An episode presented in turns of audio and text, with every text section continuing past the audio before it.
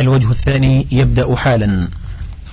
نواصل القراءة في حكمه صلى الله عليه وسلم في اللعان.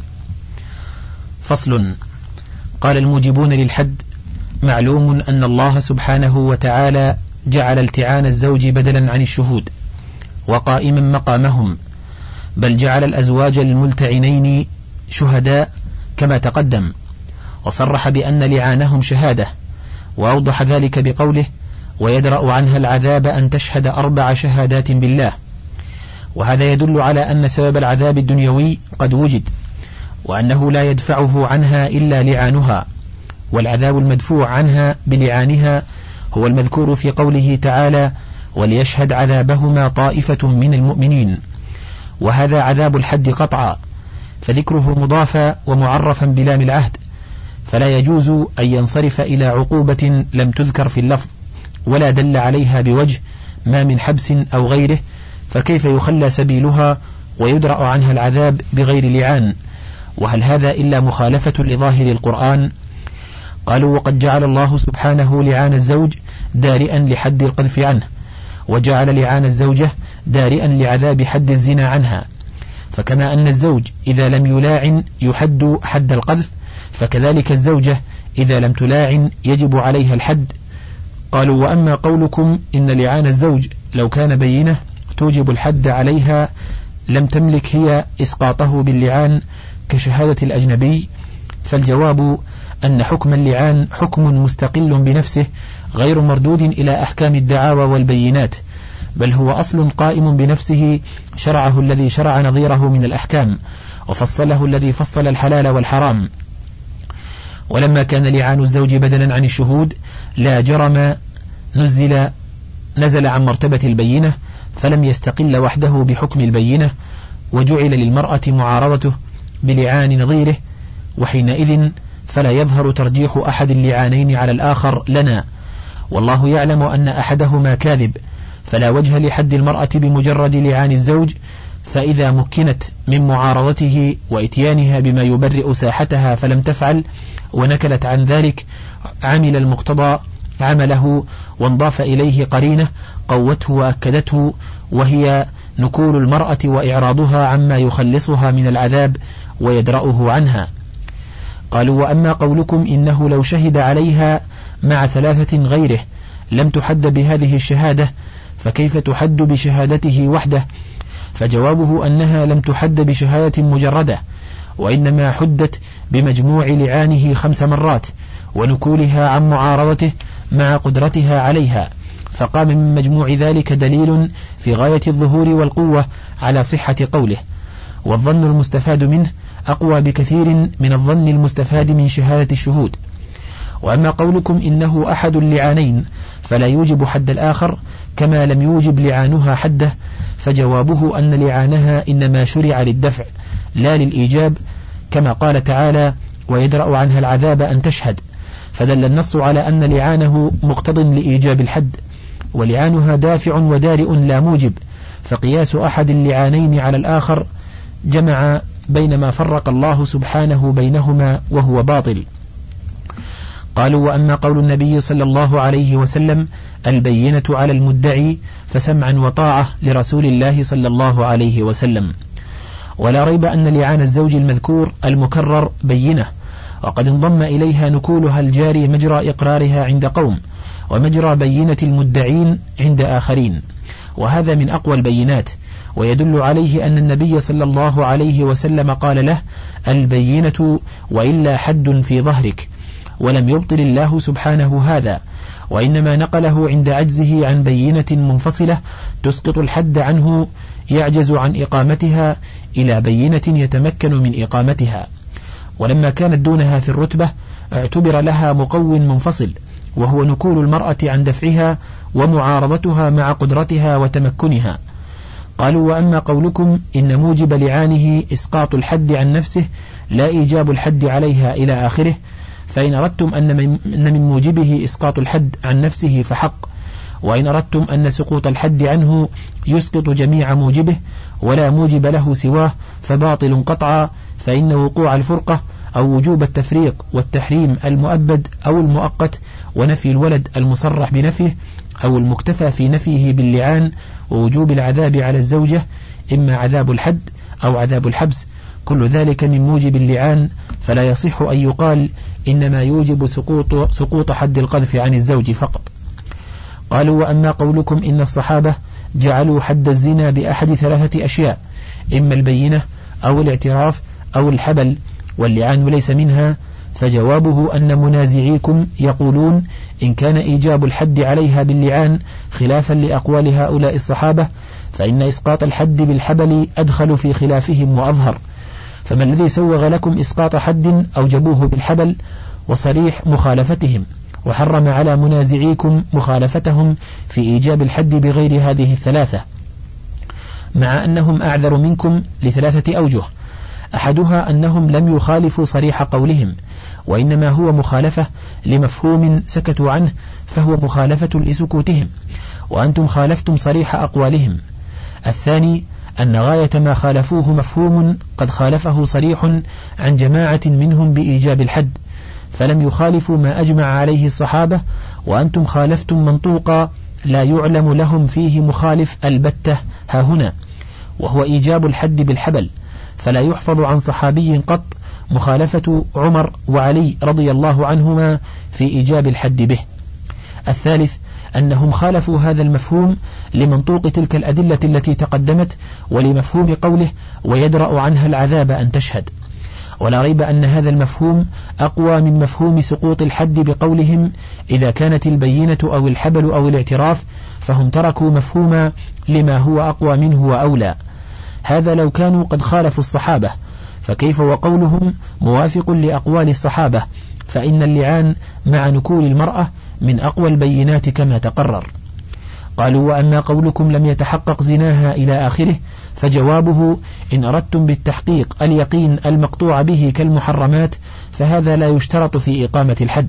ولو كان هذا شرطا لما أقيم الحد بشهادة أربعة إذ شهادتهم لا تجعل الزنا محققا بهذا الاعتبار. وإن أردتم بعدم التحقق أنه مشكوك فيه على السواء بحيث لا يترجح ثبوته فباطل قطعا.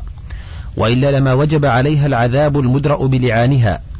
ولا ريب أن التحقق المستفاد من لعانه المؤكد المكرر مع إعراضها عن معارضة ممكنة منه أقوى من التحقق بأربعة شهود.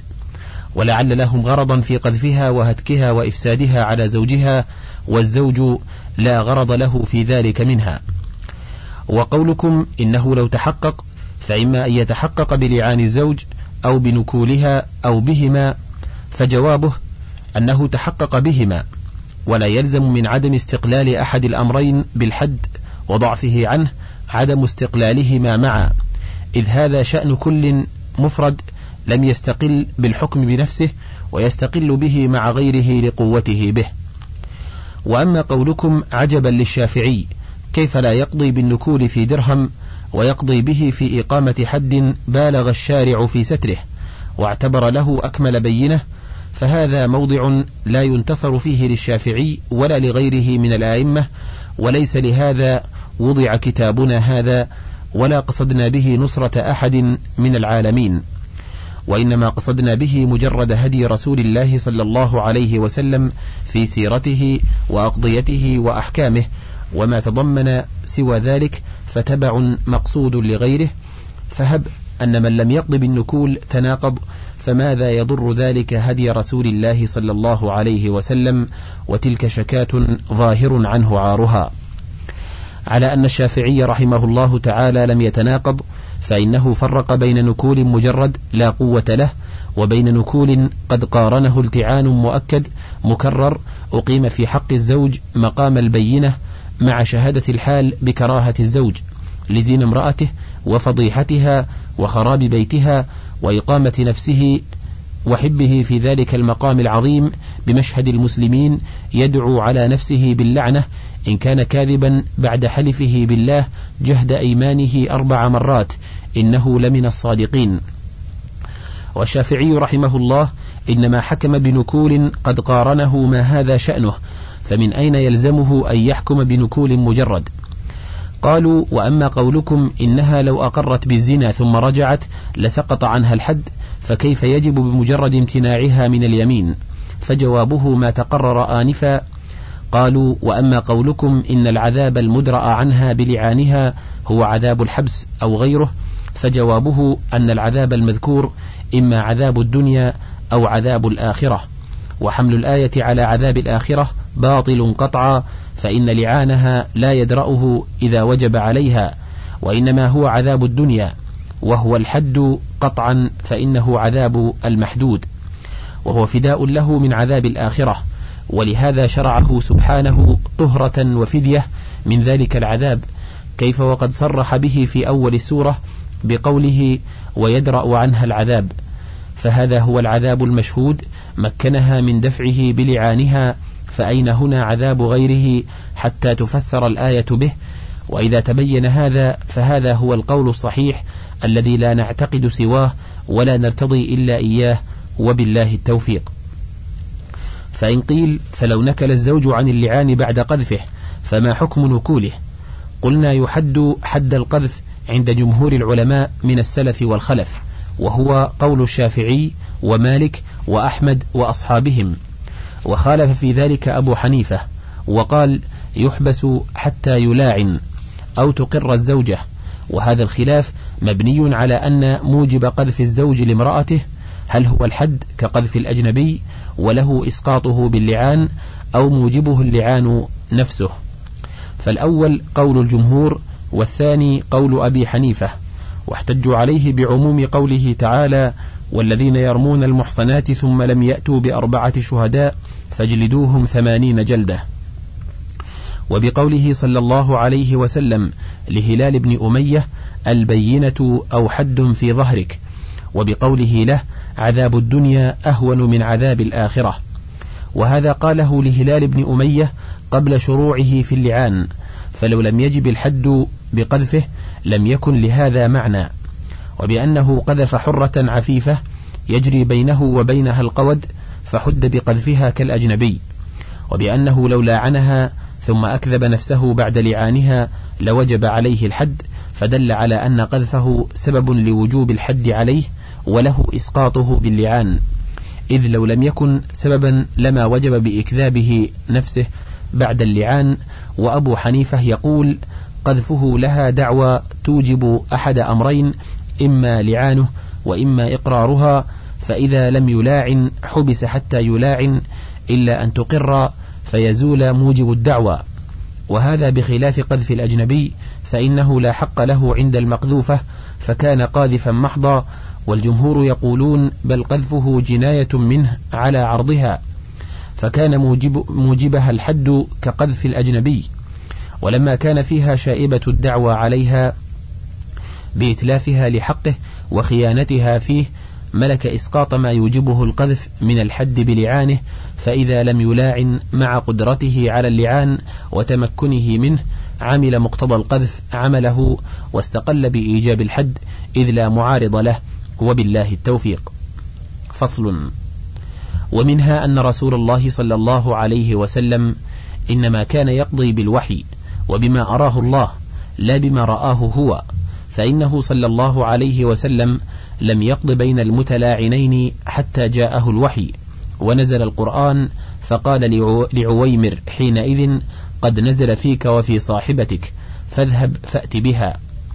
وقد قال صلى الله عليه وسلم لا يسألني الله عز وجل عن سنة أحدثتها فيكم لم أومر بها. وهذا في الأقضية والأحكام والسنن الكلية.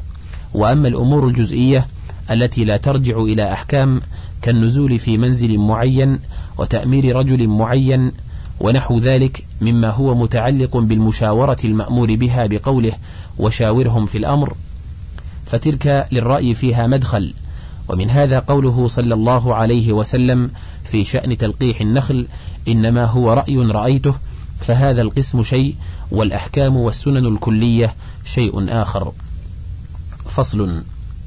ومنها أن النبي صلى الله عليه وسلم أمره بأن يأتي بها فتلاعنا بحضرته فكان في هذا بيان أن اللعان إنما يكون بحضرة الإمام أو نائبه وأنه ليس لآحاد الرعية أن يلاعن بينهما كما أنه ليس له إقامة الحد بل هو للإمام أو نائبه. فصل. ومنها أنه يسن التلاعن بمحضر جماعة من الناس يشهدونه. فإن ابن عباس وابن عمر وسهل بن سعد حضروه مع حداثة أسنانهم فدل ذلك على أنه حضره جمع كثير فإن الصبيان إنما يحضرون مثل هذا الأمر تبعا للرجال.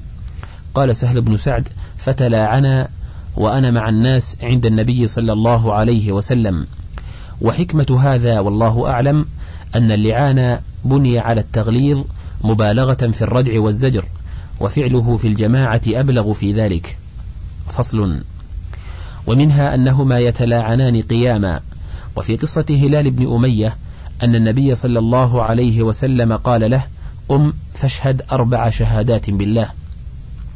وفي الصحيحين في قصة المرأة ثم قامت فشهدت.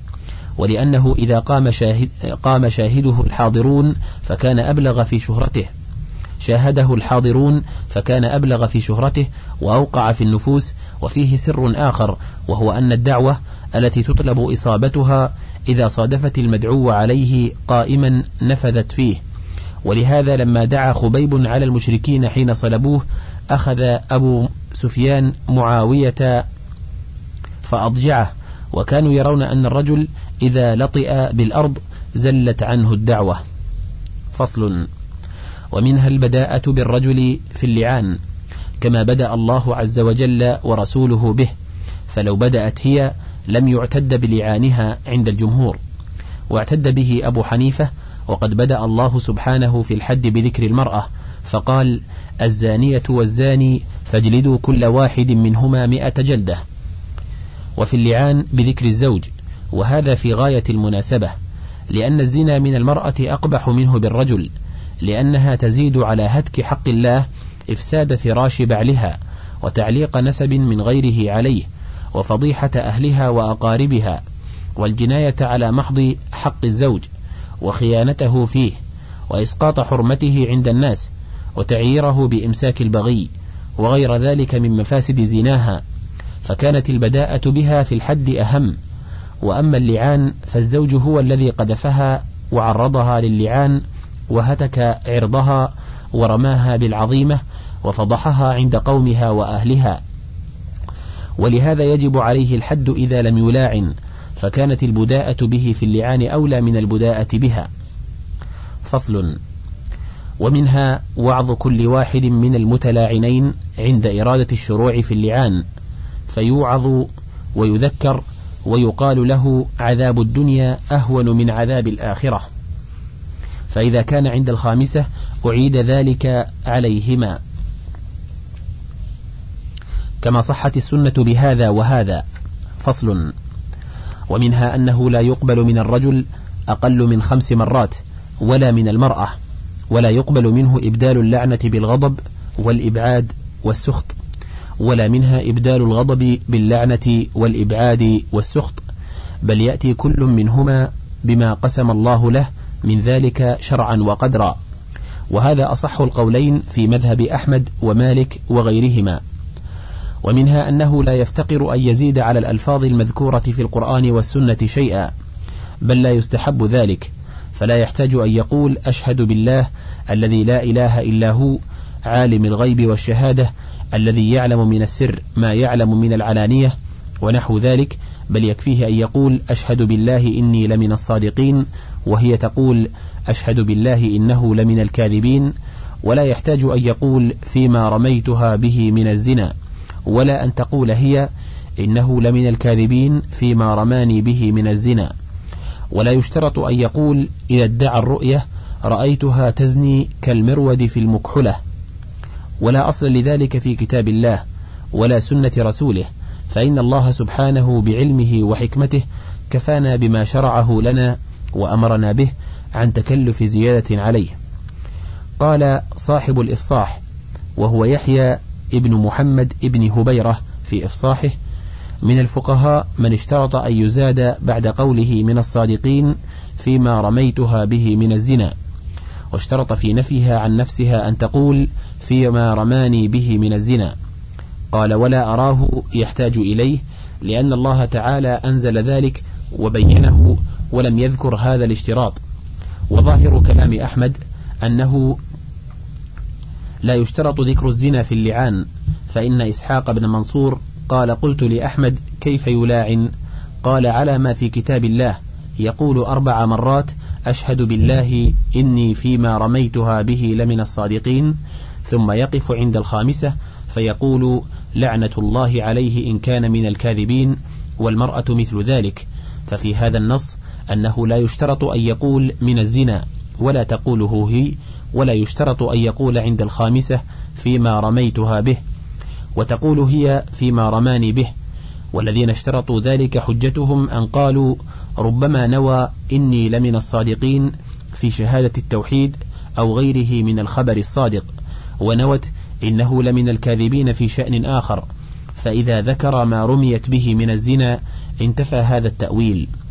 قال الآخرون هب أنهما نويا ذلك فإنهما لا ينتفعان بنيتهما فإن الظالم لا ينفعه تأويله ويمينه على نية خصمه ويمينه بما أمر الله به إذا كان مجاهرا فيها بالباطل والكذب موجبه عليه اللعنة أو الغضب نوى ما ذكرتم أو لم ينوه فإنه لا يموه على من يعلم السر وأخفى بمثل هذا. فصل ومنها أن الحمل ينتفي بلعانه ولا يحتاج أن يقول وما هذا الحمل مني ولا يحتاج أن يقول وقد استبرأتها. هذا قول أبي بكر عبد العزيز من أصحاب أحمد وقول بعض أصحاب مالك وأهل الظاهر وقال الشافعي يحتاج الرجل إلى ذكر الولد ولا تحتاج المرأة إلى ذكره. وقال الخرقي وغيره يحتاجان إلى ذكره. وقال القاضي يشترط أن يقول في هذا الولد من زنا وليس هو مني وهو قول الشافعي وقول أبي بكر أصح الأقوال وعليه تدل السنة الثابتة. فإن قيل فقد روى مالك عن نافع عن ابن عمر رضي الله عنهما. أن النبي صلى الله عليه وسلم لاعن بين رجل وامرأته وانتفى من ولدها ففرق بينهما وألحق الولد بالمرأة. وفي حديث سهل بن سعد وكانت حاملا فأنكر حملها. وقد حكم صلى الله عليه وسلم بأن الولد للفراش وهذه كانت فراشا له حال كونها حاملا فالولد له فلا ينتفي عنه إلا بنفيه. قيل هذا موضع تفصيل لا بد منه. وهو أن الحمل إن كان سابقا على ما رماها به وعلم أنها زنت وهي حامل منه فالولد له قطعا ولا ينتفي عنه بلعانه ولا يحل له أن ينفيه عنه في اللعان فإنها لما علقت به كانت فراشا له وكان الحمل لاحقا به فزناها لا يزيل حكم لحوقه به. وإن لم يعلم حملها حال زناها الذي قد قذفها به فهذا ينظر فيه. فإن جاءت به لأقل من ستة أشهر من الزنا الذي رماها به فالولد له ولا ينتفي عنه بلعانه وإن ولدته لأكثر من ستة أشهر من الزنا الذي رماها به نظر فإما أن يكون استبرأها قبل زناها أو لم يستبرئها فإن كان استبرأها انتفى الولد عنه بمجرد اللعان سواء نفاه أو لم ينفه ولا بد من ذكره عند من يشترط ذكره. وإن لم يستبرئها فها هنا أمكن أن يكون الولد منه وأن يكون من الزاني فإن نفاه في اللعان انتفى وإلا لحق به لأنه أمكن كونه منه ولم ينفه. فإن قيل فالنبي صلى الله عليه وسلم قد حكم بعد اللعان ونفى الولد بأنه إن جاء يشبه الزوج صاحب الفراش فهو له وإن جاء يشبه الذي رميت به فهو له. فما قولكم في مثل هذه الواقعة إذا لاعن امرأته وانتفى من ولدها ثم جاء الولد يشبهه؟ هل تلحقونه به بالشبه عملا بالقافة أو تحكمون بانقطاع نسبه منه عملا بموجب لعانه؟ قيل هذا مجال ضنك وموضع ضيق تجاذب أعنته اللعان المقتضي لانقطاع النسب وانتفاء الولد وأنه يدعى لأمه ولا يدعى لأب والشبه الدال على ثبوت نسبه من الزوج وأنه ابنه مع شهادة النبي صلى الله عليه وسلم بأنها إن جاءت به على شبهه فالولد له وأنه كذب عليها. فهذا مضيق لا يتخلص منه إلا المستبصر البصير بأدلة الشرع وأسراره والخبير بجمعه وفرقه الذي سافرت به همته إلى مطلع الأحكام والمشكاة التي منها ظهر الحلال والحرام والذي يظهر في هذا والله المستعان وعليه التكلان أن حكم اللعان قطع حكم الشبه وصار معه بمنزلة أقوى الدليلين مع أضعفهما فلا عبرة للشبه بعد مضي حكم اللعان في تغيير أحكامه. والنبي صلى الله عليه وسلم لم يخبر عن شأن الولد وشبهه ليغير بذلك حكم اللعان وإنما أخبر عنه ليتبين الصادق منهما من الكاذب الذي قد استوجب اللعنة والغضب فهو إخبار عن أمر قدري كوني يتبين به الصادق من الكاذب بعد تقرر الحكم الديني وأن الله سبحانه سيجعل في الولد دليلا على ذلك ويدل عليه أنه صلى الله عليه وسلم. قال ذلك بعد انتفائه من الولد وقال إن جاءت به كذا وكذا فلا أراه إلا صدق عليها وإن جاءت به كذا وكذا فلا أراه إلا كذب عليها. فجاءت به على النعت المكروه فعلم أنه صدق عليها ولم يعرض لها ولم يفسخ حكم اللعان فيحكم عليها بحكم الزانية مع العلم بأنه صدق عليها. فكذلك لو جاءت به على شبه الزوج يعلم أنه كذب عليها ولا يغير ذلك حكم اللعان فيحد الزوج ويلحق به الولد. فليس قوله إن جاءت به كذا وكذا فهو لهلال بن أمية إلحاقا له به في الحكم. كيف وقد نفاه باللعان وانقطع نسبه به كما أن قوله وإن جاءت به كذا وكذا فهو للذي رميت به ليس إلحاقا به. وجعل وجعله ابنه وإنما هو إخبار عن الواقع. وهذا كما لو حكم بأيمان القسامة ثم أظهر الله سبحانه آية تدل على كذب الحالفين لم ينتقض حكمها بذلك وكذا لو حكم بالبراءة من الدعوى بيمين ثم أظهر الله سبحانه آية تدل على أنها يمين فاجرة لم يبطل الحكم بذلك. فصل. ومنها أن الرجل إذا قذف امرأته بالزنا برجل بعينه ثم لاعنها سقط الحد عنه لهما. ولا يحتاج إلى ذكر الرجل في لعانه وإن لم يلاعن. فعليه لكل واحد منهما حده وهذا موضع اختلف فيه. فقال أبو حنيفة ومالك يلاعن للزوجة ويحد للأجنبي. وقال الشافعي في أحد قوليه يجب عليه حد واحد ويسقط عنه الحد لهما بلعانه. وهو قول أحمد. والقول الثاني للشافعي أنه يحد لكل واحد حدا. فإن ذكر المقذوف في لعانه سقط الحد. وإن لم يذكره فعلى قولين أحدهما يستأنف اللعان ويذكره فيه فإن لم يذكره حد له والثاني أنه يسقط حده بلعانه كما يسقط حد الزوجة. وقال بعض أصحاب أحمد القذف للزوجة وحدها ولا يتعلق بغيرها حق المطالبة المطالبة ولا الحد. وقال بعض أصحاب الشافعي يجب الحد لهما وهل يجب حد واحد أو حدان على وجهين؟ وقال بعض أصحابه لا يجب إلا حد واحد قولا واحدا ولا خلاف بين أصحابه أنه إذا لاعن وذكر الأجنبي في لعانه أنه يسقط عنه حكمه وإن لم يذكره فعلى قولين الصحيح عندهم أنه لا يسقط. والذين أسقطوا حكم قذف الأجنبي باللعان حجتهم ظاهرة وقوية جدا فإنه صلى الله عليه وسلم لم يحد الزوج بشريك ابن سحماء وقد سماه صريحا. وأجاب الآخرون عن هذا بجوابين. أحدهما أن المقذوف كان يهوديا ولا يجب الحد بقذف الكافر. والثاني أنه لم يطالب به وحد القذف إنما يقام بعد المطالبة. وأجاب الآخرون عن هذين الجوابين. وقالوا قول من قال إنه يهودي باطل فإنه شريك بن عبدة وأمه سحماء. وهو حليف الأنصار وهو أخو البراء بن مالك لأمه. قال عبد العزيز ابن بزيزة في شرحه لأحكام عبد الحق قد اختلف أهل العلم في شريك بن سحماء المقذوف فقيل إنه كان يهوديا وهو باطل والصحيح أنه شريك بن عبدة حليف الأنصار وهو أخو البراء بن مالك لأمه وأما الجواب الثاني فهو ينقلب حجة عليكم لأنه لما استقر عنده أنه لا حق له في هذا القذف لم يطالب به ولم يتعرض له.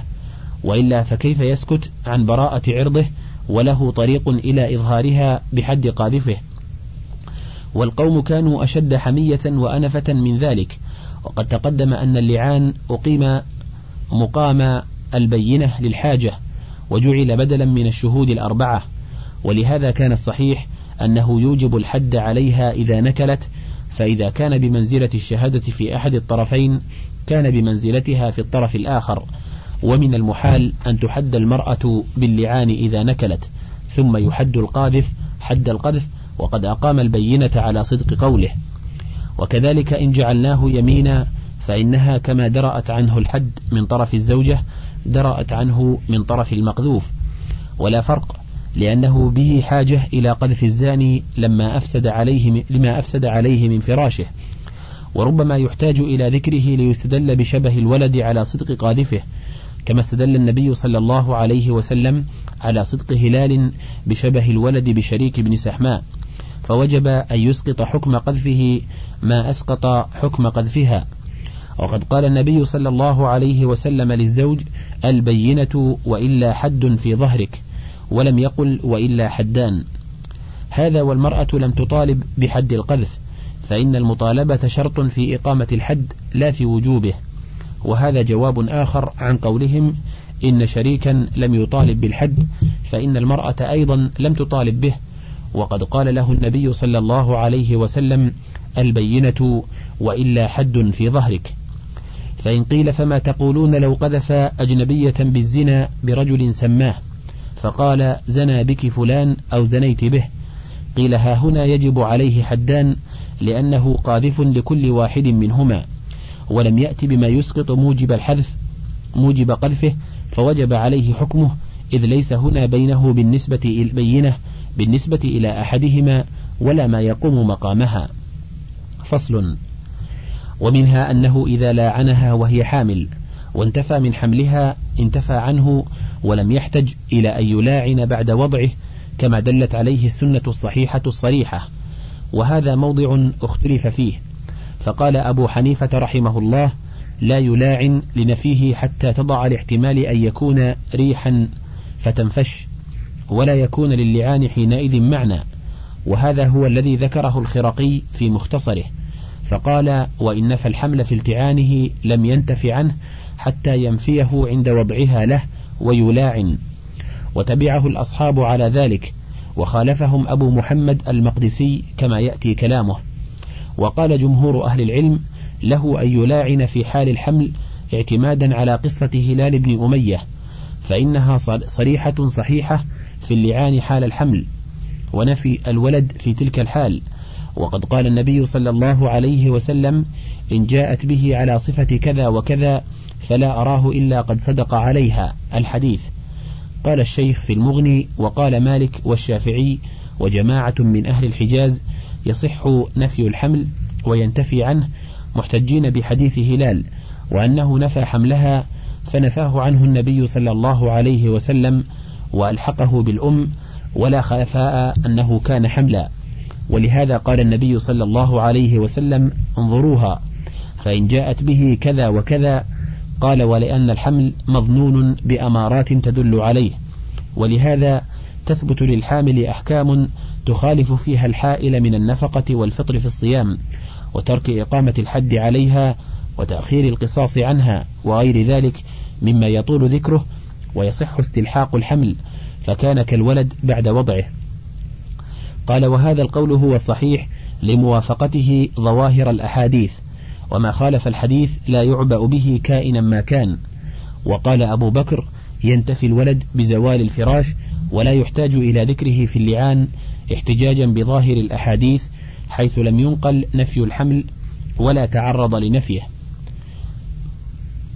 وأما مذهب أبي حنيفة رحمه الله فإنه لا يصح نفي الحمل واللعان عليه فإنه لاعنها حاملا ثم أتت بالولد لزمه عنده ولم يتمكن من نفيه أصلا لأن اللعان لا يكون إلا بين الزوجين وهذه قد بانت بلعانها في حال حملها.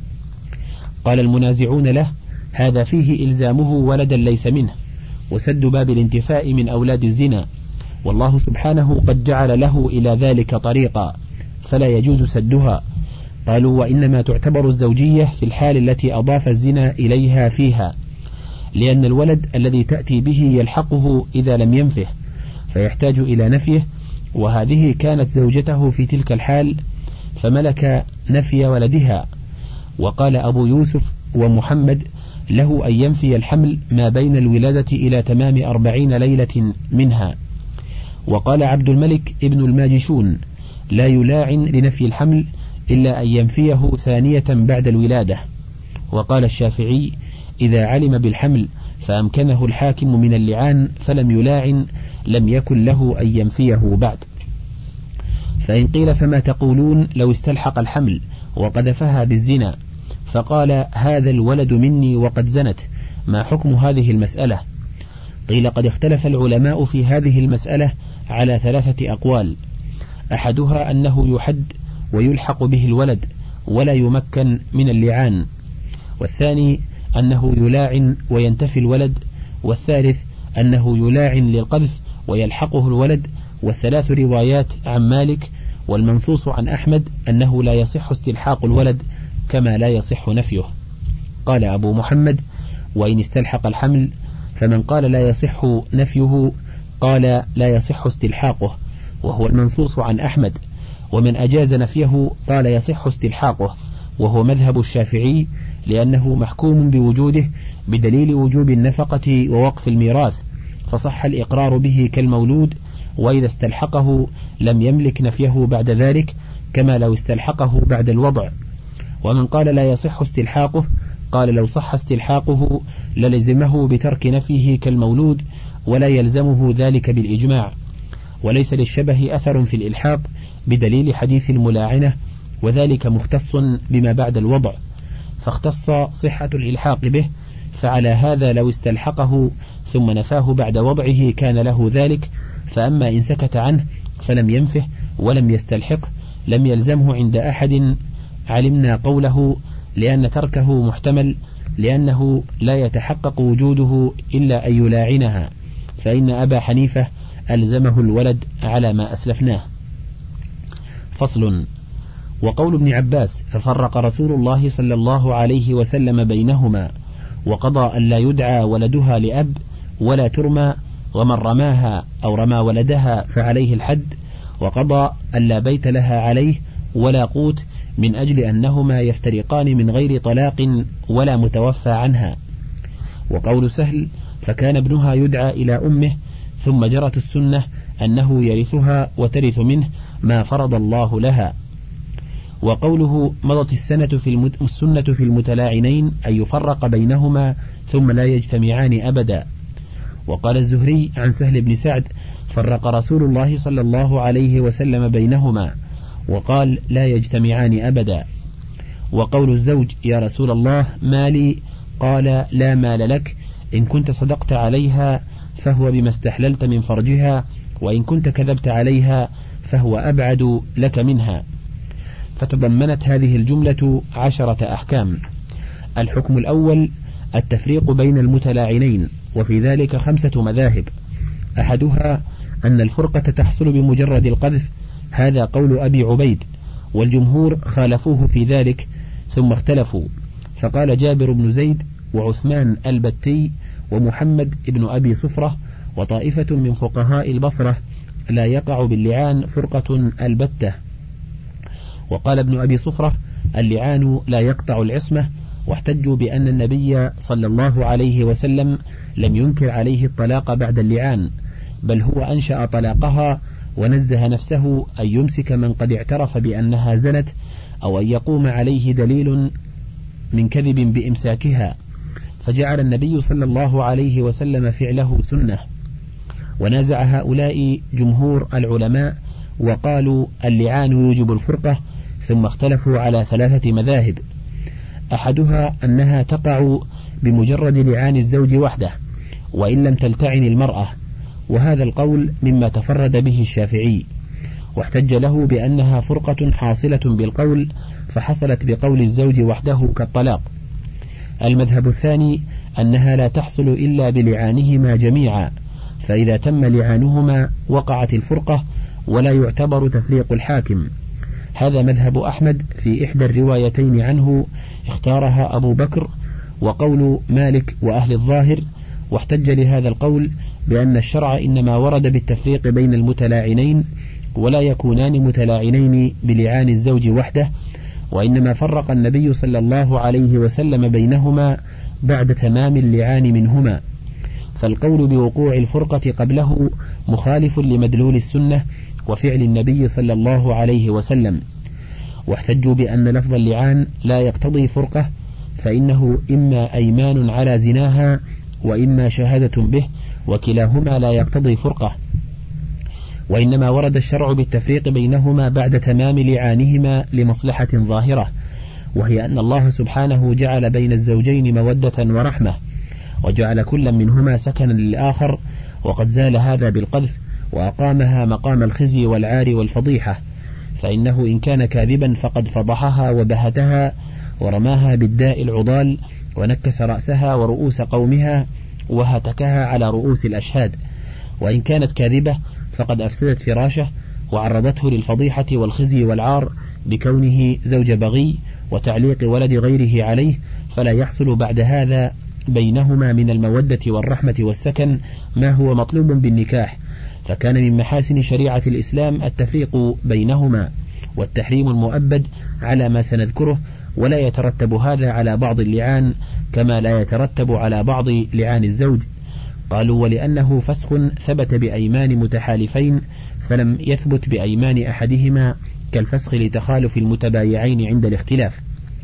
المذهب الثالث أن الفرقة لا تحصل إلا بتمام لعانهما وتفريق الحاكم وهذا مذهب أبي حنيفة وإحدى الروايتين عن أحمد وهي ظاهر كلام الخراقي فإنه قال ومتى تلاعنا وفرق الحاكم بينهما لم يجتمعا أبدا واحتج أصحاب هذا القول بقول ابن عباس في حديثه ففرق رسول الله صلى الله عليه وسلم بينهما وهذا يقتضي أن الفرقة لم تحصل قبله واحتجوا بأن عويمرا قال كذبت عليها يا رسول الله إن أمسكتها فطلقها طلقها ثلاثا قبل أن يأمره رسول الله صلى الله عليه وسلم وهذا حجة من وجهين. أحدهما أنه يقتضي إمكان إمساكها والثاني وقوع الطلاق. ولو حصلت الفرقة باللعان وحده لما ثبت واحد من الأمرين. وفي حديث سهل بن سعد أنه طلقها ثلاثة فأنفذه رسول الله صلى الله عليه وسلم رواه أبو داود. انتهى الشريط الواحد والخمسون من كتاب زاد المعاد وله بقية على الشريط الثاني والخمسين.